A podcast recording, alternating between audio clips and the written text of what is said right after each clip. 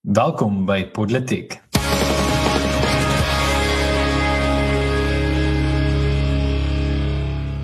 My naam is Rainer Dievenage, saam met my in die ateljee is Paul Marits en Erns van Sail. In vandag se episode Natal self reggemaak, Zuma saak en vryheid van spraak. Ja, Karel, ons probeer nog 'n keer. Ehm um, vir die vele wat ons eerste uh, minuut gesien het, dit was 'n uh, 'n tegniese uitdaging skies daaroor. Uh dis wat gebeur as die die meer tegniese ouens die uh uh die goed oorlos vir ouens soos ek wat uh, wat tegniese goed moet uitsorteer wat eintlik nie veel daarvan weet nie. Ehm um, maar geval nie te min. Ek dink dit is tyd dat ons wegspring. Ons het daai probleem self reggemaak en dit laat my baie dink aan wat op hierdie stadium in KwaZulu-Natal aan die gang is. So erns, ehm um, natuurlik is daar groot storms. Daar's alle tipe storms in KwaZulu-Natal, maar ek verwys na dies waar baie water afgekom het en die mense raad besluit hulle gaan nie meer sit en wag vir oplossings nie.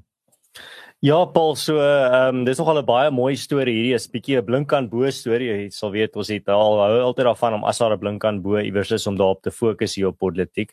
Ehm um, en dit is 'n storie daar uit uh, KwaZulu-Natal uit. So in sommige voorstede van Durban vorm inwoners uh, verenigings om dienste te lewer en infrastruktuur te herbou na die vloede en onluste uh, in KwaZulu-Natal. Ehm um, vloede natuurlik um, laas jaar en hierdie jaar en uh, dan ook die onluste in 2021 laas jaar.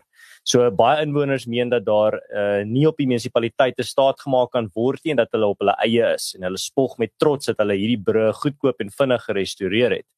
Equitini sukkel om te herstel na April 2022 se vloede wat bo op die verlammende Julie 2021 onluste en plundering gekom het. Inwoners uh, sê hulle kan nie staat maak op munisipaliteite en die regering um, wat met faksiepolitiek uh, en binnengevegte gehinder word nie. Dit het hulle reeds lank voor die rampe getref uh, en in die steek gelaat.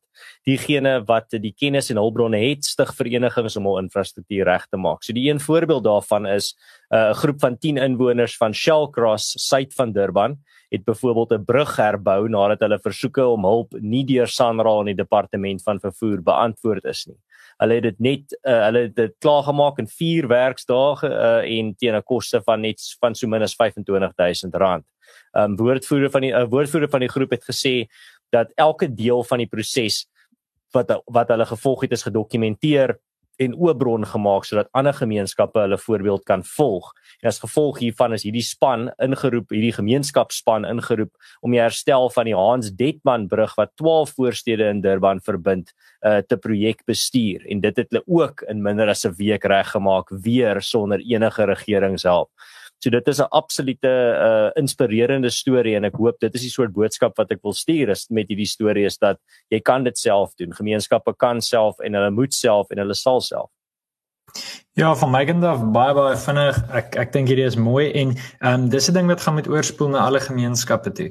Uh jy weet ongelukkig uh mense het een van twee keuses. Selfs al was jou regering hiperbevoeg, nê. Nee, ons sien dit in baie lande waar die regering regtig bevoeg is. Mense raak soort van planloos want die regering is mos nou jy weet die ouens wat al die oplossings vir my uitdink. Maar selfs in sulke lande sien ons dat die die hoeveelheid behoeftes wat die moderne mense het net gewoon te veel is.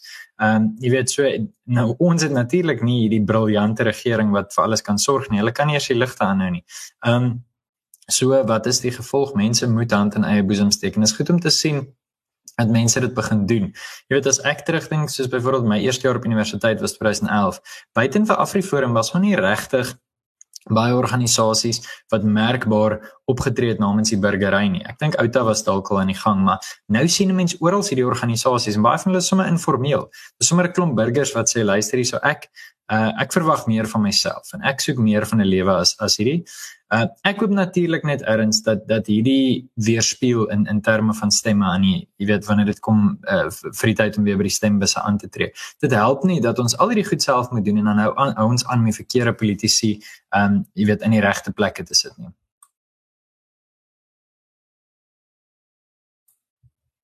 Ja, erns ek dink jy is gemute daar. Woskies. Wat ek net daarby wil bylas is uh, ek dink baie mense kan nou wel hierna kyk en sê maar ons betaal belasting. Uh hierdie is nie vir hoe dit moet wees nie. En ja, dit is baie onregverdig, maar terselfdertyd jy gaan 'n keuse moet maak. Ehm um, dit mag dalk reg onregverdig wees, maar wil jy 'n toekoms vir jou kinders hê en wil jy hierdie dienste hê of wil jy maar net terugsit en en sê maar ag wat ek betaal belasting, ek verdien om hierdie dienste vanaf die regering te kry. Dit is vir my dit is diep onregverdig en dit is hoekom AfriForum uh al hierdie veldtogte ook het waar ons die regering druk uh om uh uh belastingredes en vir die redes dat hulle nie die uh, die dienste verskaf wat hulle moet nie. Maar terselfdertyd ook uh, om te om te sê maar ek betaal belasting so ek gaan nie nou nog ook uh, hierdie ekstra myl gaan nie is soos om op die Titanic te sit en toe hy begin sink toe sê maar ek het 'n kaartjie gekoop ek het 'n kaartjie gekoop om al die pad te gaan uh, en nou dat hy hier sink hierdie is onregverdig. Wel dit is die stand van sake en wat jy doen gaan gaan uh, bepaal of jy of jy sink of swem of sink of uh, ja sink of swem of dryf. Ja Yes, nee, ek stem heeltemal um, saam met julle ouens uh, wat julle wat julle genoem het en ek wat ek ander dag in 'n in 'n radio onderhoud gebruik het as 'n voorbeeld van hoe oneffektief die regering is in ons land in vergelyking met gemeenskappe. Ek gebruik altyd die voorbeeld van van Soltech. Dis 'n beroepsopleidings uh, college wat uh, die solidariteit beweging gebou het. Uh, dis net meer as 300 miljoen rand uh, wat ek nou van praat, sy kampus gebou. En die en die ANC byvoorbeeld uh, in, in Gauteng meer as 400 miljoen betaal om skole skoon te maak tydens COVID-19 om te saniteer. Terwyl Soltech gaan vaardighede en uh werk en en bydra tot die ekonomie vir ehm um, vir uh vir vir dekades en dekades. So dit wys jy maar net dit is die beste voorbeeld van hoe gemeenskappe sake in eie hande kan neem en werklike verskil kan maak en werklik kan bydra tot die ekonomie as geheel. Hmm. Yes, uh Carols, dis dis lekker om uh, om te praat oor dinge wat positief is. Ongelukkig weet ons die wêreld gaan nie oornag verander nie. Uh inteendeel ek ek is nogals geneig om te dink partykeer word dit eers 'n bietjie erger voor dit beter word. Dit is goed dat mense dalk daai momentum sien. Um maar ongelukkig, jy weet, moet ons 'n bietjie teruggeroep word na realiteit toe. En die realiteit is dat ons 'n uh, voormalige president het wat op hierdie stadium voor die hof moes verskyn. Uh en Rainer Rewe was daar gewees. Hmm. Ja, pa, ek was daar gewees in Bloemfontein, yskoue Bloemfontein. Uh dit was 'n uh, interessante ervaring as ek dit so kan stel. Ek het 'n paar stories om te deel wat ek aan die einde van van my bydrae met die graag met die luisteraars en die kykers sou wil deel. Maar waarop dit neerkom is dit gaan oor voor voormalig president Zuma wat gefonnis is tot uh, 15 maande tronkstraf vir minagting van van die hof. Uh dit is toe hy toe begin om sy vonnis uit te dien, maar uh tydens die, die, die voordat hy vir 2 maande uitgedien het, is hy op mediese parol vrygelaat. Nou klomp mense, klomp organisasies het gedink nou maar hoe kan dit wees? En hulle het 'n aansoek vir die hof gebring en die hof het uiteindelik uh, die Hooggeregshof in Pretoria het toe die saak aangehoor en dit toe aan die lig gekom dat die mediese parol adviesraad wat uh, daar verantwoordelik is om mediese parol toe te staan of nie, nie gevind het dat president Zuma gekwalifiseer het vir mediese parol nie. Zuma se eie dokter het uh, geskryf Zuma ly aan 'n mediese uh, ek ek ek, ek bedoel terminale kondisie uh, of kroniese toestand. So hy het nie ook nie eksplisiet genoem dat dat dat voormalige president Zuma werklik terminaal siek is nie wat wat wat 'n vereiste is om uh, om dan mediese parol gegee te word. En uh die Hooggeregshof het toe 'n beslissing gemaak in hierdie saak en die Hooggeregshof het gevind dit was irrasioneel en dit is nou waar Arthur Fraser inkom die voormalige nasionale kommissaris van korrektiewe dienste. Hy het toe die die mediese adviesraad se aanbeveling nie in ag geneem nie. Hy het daarteen gegaan en hy het self um, op in sy eie bevoegdheid as die nasionale kommissaris die mediese parol toegestaan aan Jacob Zuma. En die hof het gevind dit was nie rasioneel nie en die rede hiervoor is is eenvoudig dat uh meneer Fraser Fraser het nie redes aangevoer hoekom hy tot hierdie besluit gekom het. Hy het gesê wat sy besluit is om om wel mediese parol toe te staan. Ja, in sy rol as kommissaris het hy die bevoegdheid om dit te doen, maar dit moet 'n rasionele besluit wees. Hy het nie gesê wat sy gedagteproses was om by daai besluit uit te kom nie en dat die hof het toe bevind dat uh, dat hierdie mediese parol dus onwettig was wat hy aan aan Zuma toegestaan het. En Zuma het toe geappeleer en hierdie selfde stel feite is nou weer voor die appelhof en die appelhof ek eh, volgens my en ons is baie optimisties gaan die appelhof weer uh, dieselfde beslissing maak, gaan dieselfde gaan tot dieselfde gevolgtrekking kom in hierdie saak. Nou, dit is half die die kruks van die verhaal. Daar's baie tegniese punte, dit word heen en weer gedebatteer deur Zuma se regspan en die appellante en respondente in hierdie saak wat eintlik wat Afriforum die DA en die Helen Suzman uh stigting is.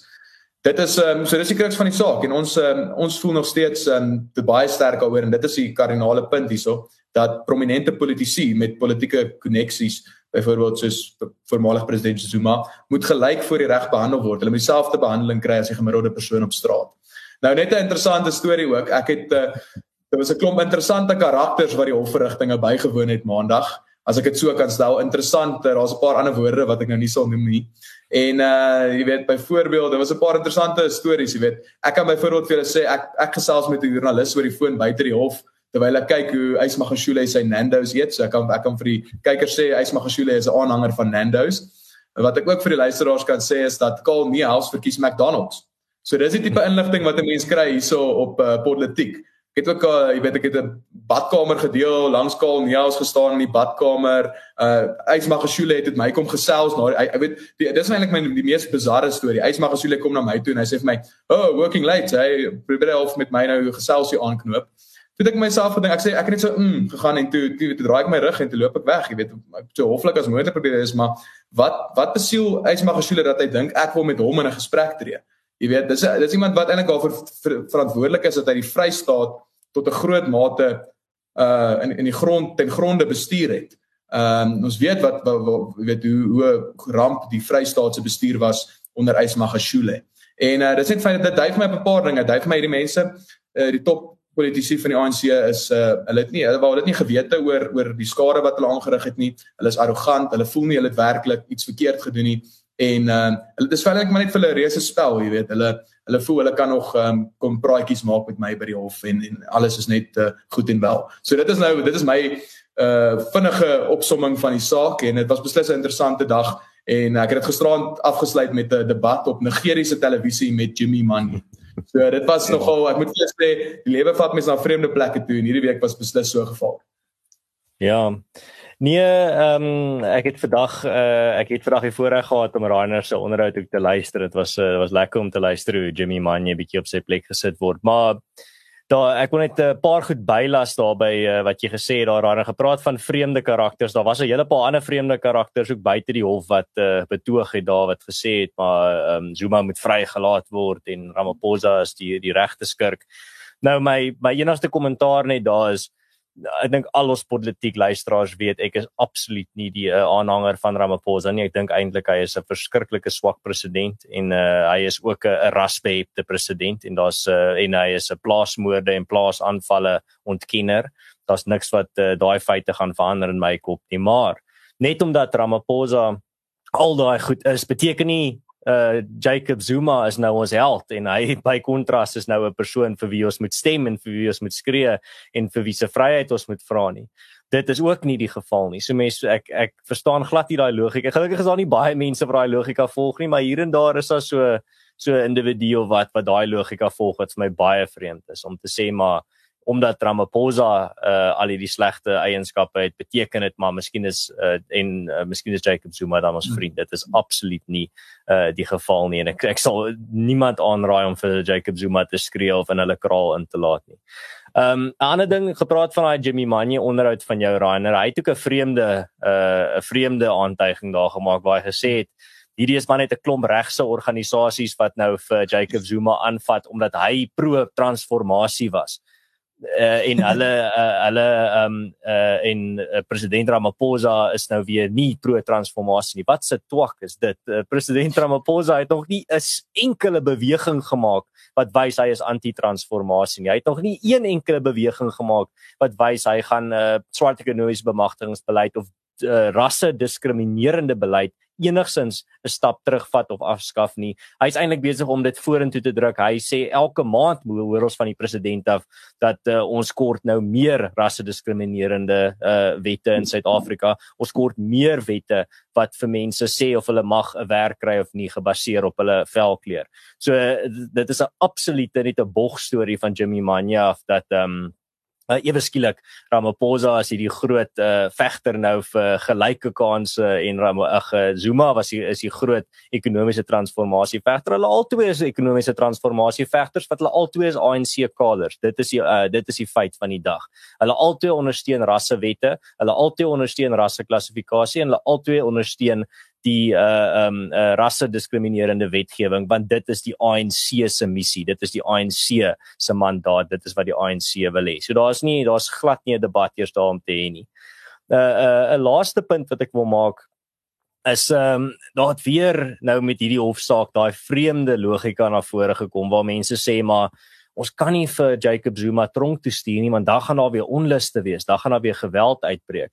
Weet jy wat is dit? Dit is niks anders as afpersing nie. Dit is maar net wel Ja, ons kan nie een hierdie president of figuur kan geen gevolge vir sy gedrag gedrag, gedrag dra nie, want daar is 'n weermag van mense of 'n groep mense wat gaan amok aanjaag as dit sou as hy sou enige gevolge moet dra. Dit is afpersing en dit is glad nie 'n logika wat mense moet volg nie. Dis ook nie 'n soort argument wat jy moet maak of enigins enigsins enige legitimiteit gee nie geregtigheid moet seëvier. Maak nie saak wat se dreigemente daar is van onluste en dreigemente van geweld nie. Dan leef ons nie in 'n regverdige samelewing nie. Dan leef ons nie in 'n in 'n 'n in 'n samelewing waar geregtigheid enigsins kan kan seëvier nie want as jy genoeg mense aan jou kant het wat gaan amok gaan maak en gaan gaan plunder en gaan onluste maak as jy enigsins uh, van uh, uh, in die in die in die regstoel moet beland of in die tronk moet beland dan uh, beteken dit jy is bo die reg. As ons daai logika sou volg dat ons kan nie iemand tronk toe stuur nie want daar gaan geweld wees nie. Dit is 'n bog argument en moenie enigstens legitimiteit daaraan gee nie.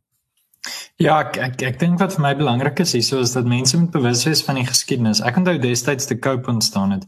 Dis sê klomp mense hoor jy ons moet vir Cope stem want jy weet dis oppositie vir die ANC. Wat hulle nie besef het nie is dit was maar net die ANC. Daar was mhm. niks ander beleide nie. Daar was jy weet maar dis mense wat so kortsigtig en so wat politiek sien in 'n in 'n 10 jaar venster.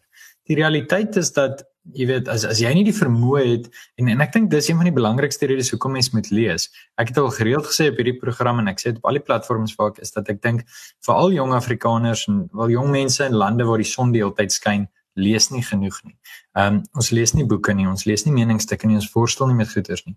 En ehm um, baie van ons aktiwiteite is buitegebaseerde aktiwiteite en die gevolg is ongelukkig as jy nie die geskiedenis ken nie, dan is jy gedoem om daai foute te herhaal. Baie mense het dit al in die verlede gesê, Churchill was een van hulle.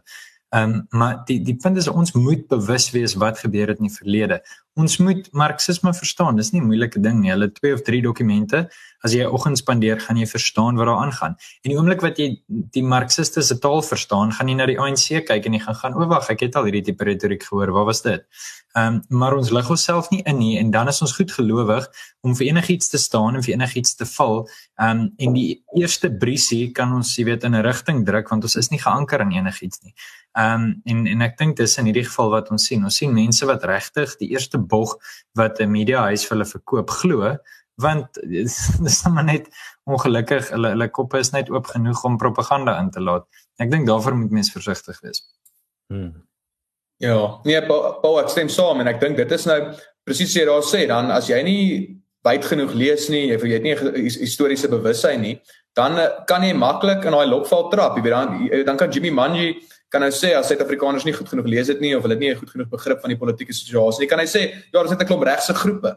Jy weet en dan dan kan hy mense oortuig so en dit is 'n gevaar want uh, soos ek hom gesê het, dit is nie net 'n klomp regse groepe nie. As enigiemand wat net 'n bietjie gaan lees, 'n bietjie navorsing en 'n bietjie historiese bewustheid het, sal weet die een is 'n uh, is die die grootste oppositieparty in Suid-Afrika. Die ander een is die Helen Suzman Foundation uh, stigting wat wat heeltemal nie regs is nie en dan Afriforum wat ook nie regs is nie wat die grootste in terme van lede, die grootste burgerregte organisasie, die grootste nie-regeringsorganisasie in die suidelike halfrond is. So om net dit te bestempel as 'n klop regse groepe, wys jou eintlik net hoe ideologies gedrewe hierdie ouens is en hoe hulle probeer om hierdie boodskap uit te stuur wat um, mense bereik wat net nie net nie daai ekstra moeite doen om daai navorsing te doen nie. Maar ja, dit dit tersyde gestel, uh, ons nou 'n bietjie wegbeweeg van van hierdie uh, baie interessante onderwerp af alle goeie dinge kom tot einde, maar ek wil ek wil nou net by Paul bietjie aansluit oor uh, 'n uh, storie wat nogal in die internasionale media baie opspraakwekkend was en kommerwekkend was, as ek dit so kan stel. En dit handel nou oor die uh Salman Rushdie insident wat die wat daar gebeur het en ek dink Paul jy het baie meer inligting vir ons oor wat daar gebeur het. Ja, dankie Rainer. Weet jy, dit is my eintlik in 'n mate toevallig. Ek het 'n gediggie geskryf en op Litnet gepubliseer die 4de of 5de Augustus waar ek praat van 'n kansellasiemes. Ek gaan jou met my kansellasiemes stil maak en ek het verwys na iets wat in Suid-Afrika gebeur het. Ehm um, waar iemand maar net se muur stil gemaak is omdat hulle 'n mening gehad het wat teen die hoofstroom ingaan het. En ehm um, so weke wat na my gediggie verskyn het, het Salman Rushdie, baie bekende Indiese skrywer, ek sal nou 'n bietjie meer oor hom sê, het hy op die verhoog gegaan om 'n lesing te gee oor vryheid van spraak. En uh, hy is aangeval ehm um, deur 'n 'n persoon in die skare wat na hom toe gehardloop het en hom met 'n mes 'n paar keer gesteek het. Dit kom voor asof hy dalk sy oogmag verloor. Ehm um, hy is hy hy's paar keer gesteek soort van in die nek area, maar Uh, dit klink vir my asof hy nou weer kan praat. So ons is bly dat hy nie oorlede is nie. Nou, dis belangrik om agtergrond te gee oor Salman Rushdie want ehm um, as as mens jonk is, dink ek hierdie storie dalk verby jou gegaan. Vir die mense wat dalk Bridget Jones Diary gekyk het die eerste ene, sy met 'n boekbekendstelling reël en dis vir 'n boek van Salman Rushdie en hy speel homself in daai fliek. Ehm um, dit is wat wat met hom gebeur het is in 1988 het hy 'n boek geskryf The Satanic Verses wat 'n uh, 'n bespotting of 'n tipe van 'n satire maak met die profeet Mohammed. Nou uh Rushdie het het moslim groot geword op 13 jarige ouderdom sy Engeland toe en hy het by Cambridge studeer en hierdie boek Satanic Verses het uitgekom toe hy 38 jaar oud was. Hy's nou so 72 as ek reg is. Hy kan 'n bietjie ouer wees, ek sal 'n jaar of twee uit. Maar goed, In 1989 toe die Ayatollah, dis die top gelowige gesag in Iran, Ayatollah Khomeini, was die Ayatollah op daai stadium. Hy het 'n fatwa uitgereik. Nou fatwa is basies wat ons um in Engels sal sê is 'n is 'n hit wat jy op iemand uitreik, maar hy het basies gesê hierdie persoon moet doodgemaak word vir dit wat hy gesê het oor die profeet Mohammed. En vir omtrent 10 jaar het Salman Rushdie in vrees gelewe uh, en hy het basies weggekruip en toe ten einde diplomatieke verhoudings met Engeland weer of met Brittanje weer op te bou, toe het Iran in 1999 sê okay, goed, hulle is nou nie meer so ernstig oor dit nie of wat ook al. Maar die punt is dalk, jy weet, ehm um, hierdie is letterlik uitgereik as gevolg van woorde wat hy gesê het. Goed. En ehm um, vir jare het hy in vrees geleef, sy boeke is gebrand en dit word nou nog gereeld gebrand en so aan.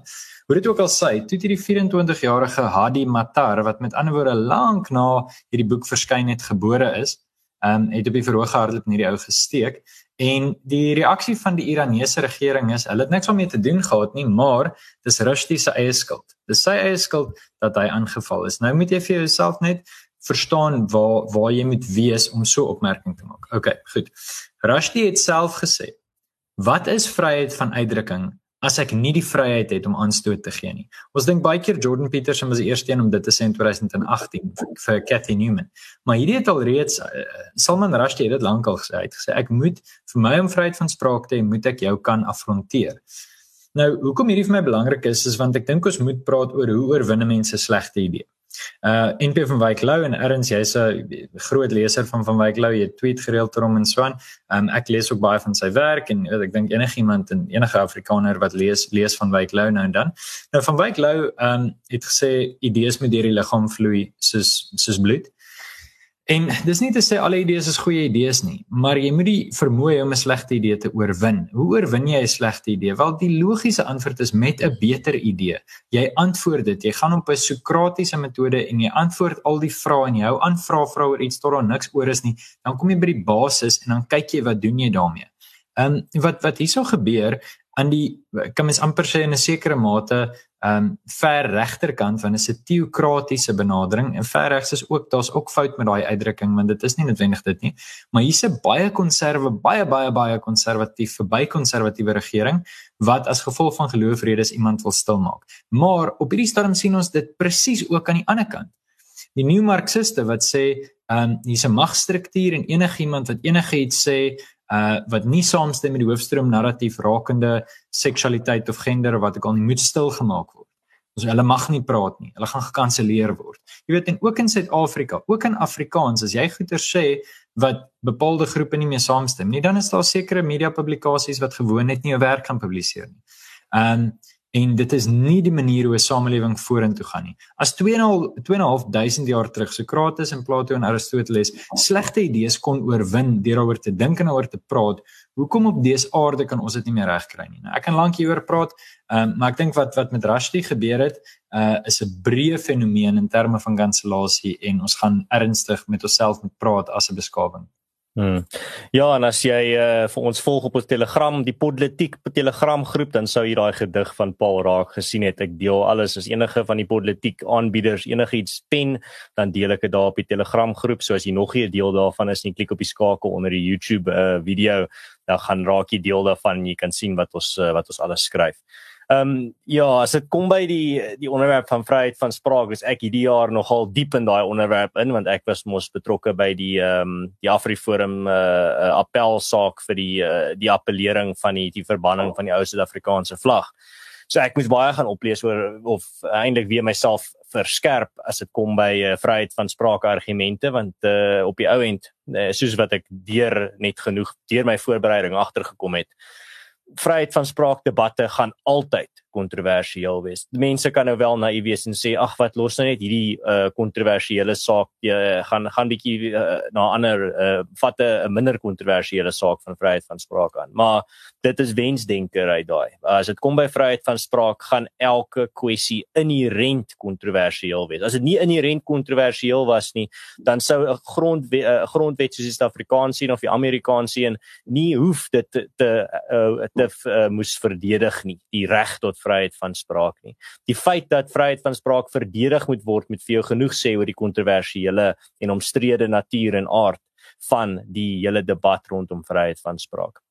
En as dit kom by uh aanstoot neem, uh ons kan nie dit as 'n maatstaf gebruik nie. Ons kan nie aanstootlikheid as 'n maatstaf gebruik vir waar die perke van spraak lê nie, want die spektrum van aanstootlikheid as jy die mensdom in ag neem, is naasten by eindeloos. Dit is 'n spektrum wat amper elke faset van die menslike samelewing in ag uh, gaan gaan omskep. Want as dit kom by uh, aanstootlikheid, as jy nou en daar's mos daai daai speletjie as jy ehm um, as jy op Google intik ehm um, uh, enige woord en jy sit racist by, dan gaan daar 'n uh, uh, een of ander ehm um, uh, hoof uh, hoofopskrif na vore kom wat sê hierdie ding is nou rassisties soos pisangs is rassisties of visvang is rassisties. Probeer dit bietjie tik 'n uh, tik 'n werkwoord in soos visvang of busry of uh, atletiek of uh, in in die natuur stap en jy gaan sien daar gaan 'n hoofopskrif opkom wat sê is rassisties. Dieselfde beginsel tel vir aanstootlikheid ook. Elke liewe ding wat jy kan sê of dink of doen is moontlik vir iemand daar buite uit die 8 miljard mense op aarde rassisties of seksisties of uh uh um aanstootlik in 'n sekere manier. En dus kan ons nie aanstootlikheid as uh, gebruik as die maatstaf van waar die perke van spraak lê nie. In hierdie geval wat ons nou net hier bespreek, is die perfekte voorbeeld daarvan. Hmm. Ja, jy sê erns jy het nou regtig perfek opgesom. Ek kan nie veel tot dit uh, byvoeg nie. Wat ek het wil sê is ek dink dit is 'n mooi aanhaling om die om die hele saak mee af te sluit. Heinrich Heine, die Duitse skrywer en digter, het al in die vroeë 19de eeu, ek dink 1820, 1823 daar rond, het hy al gesê, "Dort wo man Bücher verbrennt, verbrennt man auch am Ende Menschen." Jy weet daar waar mens boeke verbrand, verbrand mense ook uiteindelik mense. Nou ek dink dit is dit is ook simbolies wat dit doen, maar dit dit dit, dit kom eintlik tot dit spreek tot die diep die hart van hierdie saak. Jy weet dat eh uh, vryheid van spraak is is is eintlik maar die die die die basis van ons van ons beskawing. En as ons as dit nie as ons hierdie idees toelaat in die vrye mark van idees nie uh die vrye mark is ook belangrik maar die vrye mark van idees is verskriklik belangrik soos Paul het ook uiteengesit het. Dan is ons uh, op pad na 'n baie donker plek toe en dan uh, is dit baie maklik ook om mense as onmenswaardig te bestempel ensovoorts. Ja, ek dink uh, laaste gedagte vir my kant af hier oor George Bush, uh, die eerste uh George Bush het toe hierdie fatwa uitgereik is. Hy sê hy ehm um, hy was op daai stadium president van die FSA toe sê hy so aanstootlik as wat hierdie boek mag wees spe spesifiek nou the satanic verses. So aanstootlik as wat dit is jy maak nie iemand dood vir woorde nie. Ehm um, dis vir my belangrik dat ons daarop let hier's 'n kulturele punt hierso. Nou ek weet in die weste in in Europa ons voorouers baie van ons voorouers ehm um, het Suid-Afrika toe gevlug want hulle is doodgemaak vir hulle protestantse belydenis. So vir woorde Ehm um, natuurlik daai woorde was gekoppel aan geloof soos wat dit hier ook is en so ek verstaan alle kulture het hierdie fout al gemaak. Ehm um, maar ons moet verstaan dat die manier of die die manier waarop daar hier hierna gekyk word is ontsettend belangrik en as ons as kulture met mekaar in gesprek moet tree, uh, dan moet ons nie naïef wees oor die wyse waarop uh ons verdraag gaan word as ons verskil met bepaalde groepe nie. Ehm um, miskien moet ek daar stop in terme van diplomatie. So ek dink ek ek gaan myself daarso stop. Hmm. Reg en ek dink dis die perfekte plek om ook te stop want ons hier by politiek is ook 'n uh, eh, groot ondersteuners van uh, die reg tot vryheid van spraak en vryheid van uitdrukking. En ek dink dan is dit ook 'n goeie storie om vandag mee te eindig en 'n goeie aanhaling daarvan jou afpal. Maar soos Jacob Zuma se beeldpoetser se verskonings is hierdie episode ook vereers verby. As jy hou van wat ons doen hier by Botletiek, uh, teken gerus in op ons YouTube kanaal en ons nooi jou uit ook as luisteraar om ook self bietjie te ontnonsens deur die gesprek voort te sit in die kommentaar afdeling of om ons te, op ons Telegram groep. Jy kan daarso die skakel volg onder die YouTube kanaal. Dit is waar al ons uh, julle gaan sien wanneer ons regstreeks gaan uh, as ons enigiets skryf of enigiets in die Afrika uh, enigiets in die nuushoek gebeur of uh, interessante meningsstukke in Afrikaans gaan ook daar gedeel word net lekker bietjie pitkos vir julle gaan uh, raak deel daarvan. Julle kan ook kommentaar lewer op daai Telegram groep. So is baie lekker daar en ons ontnonsens lekker saam. Uh maar ja, dit is vandag se episode. Ek hoop julle het 'n lekker week en 'n lekker naweek en dan sien ons julle volgende week. Totsiens.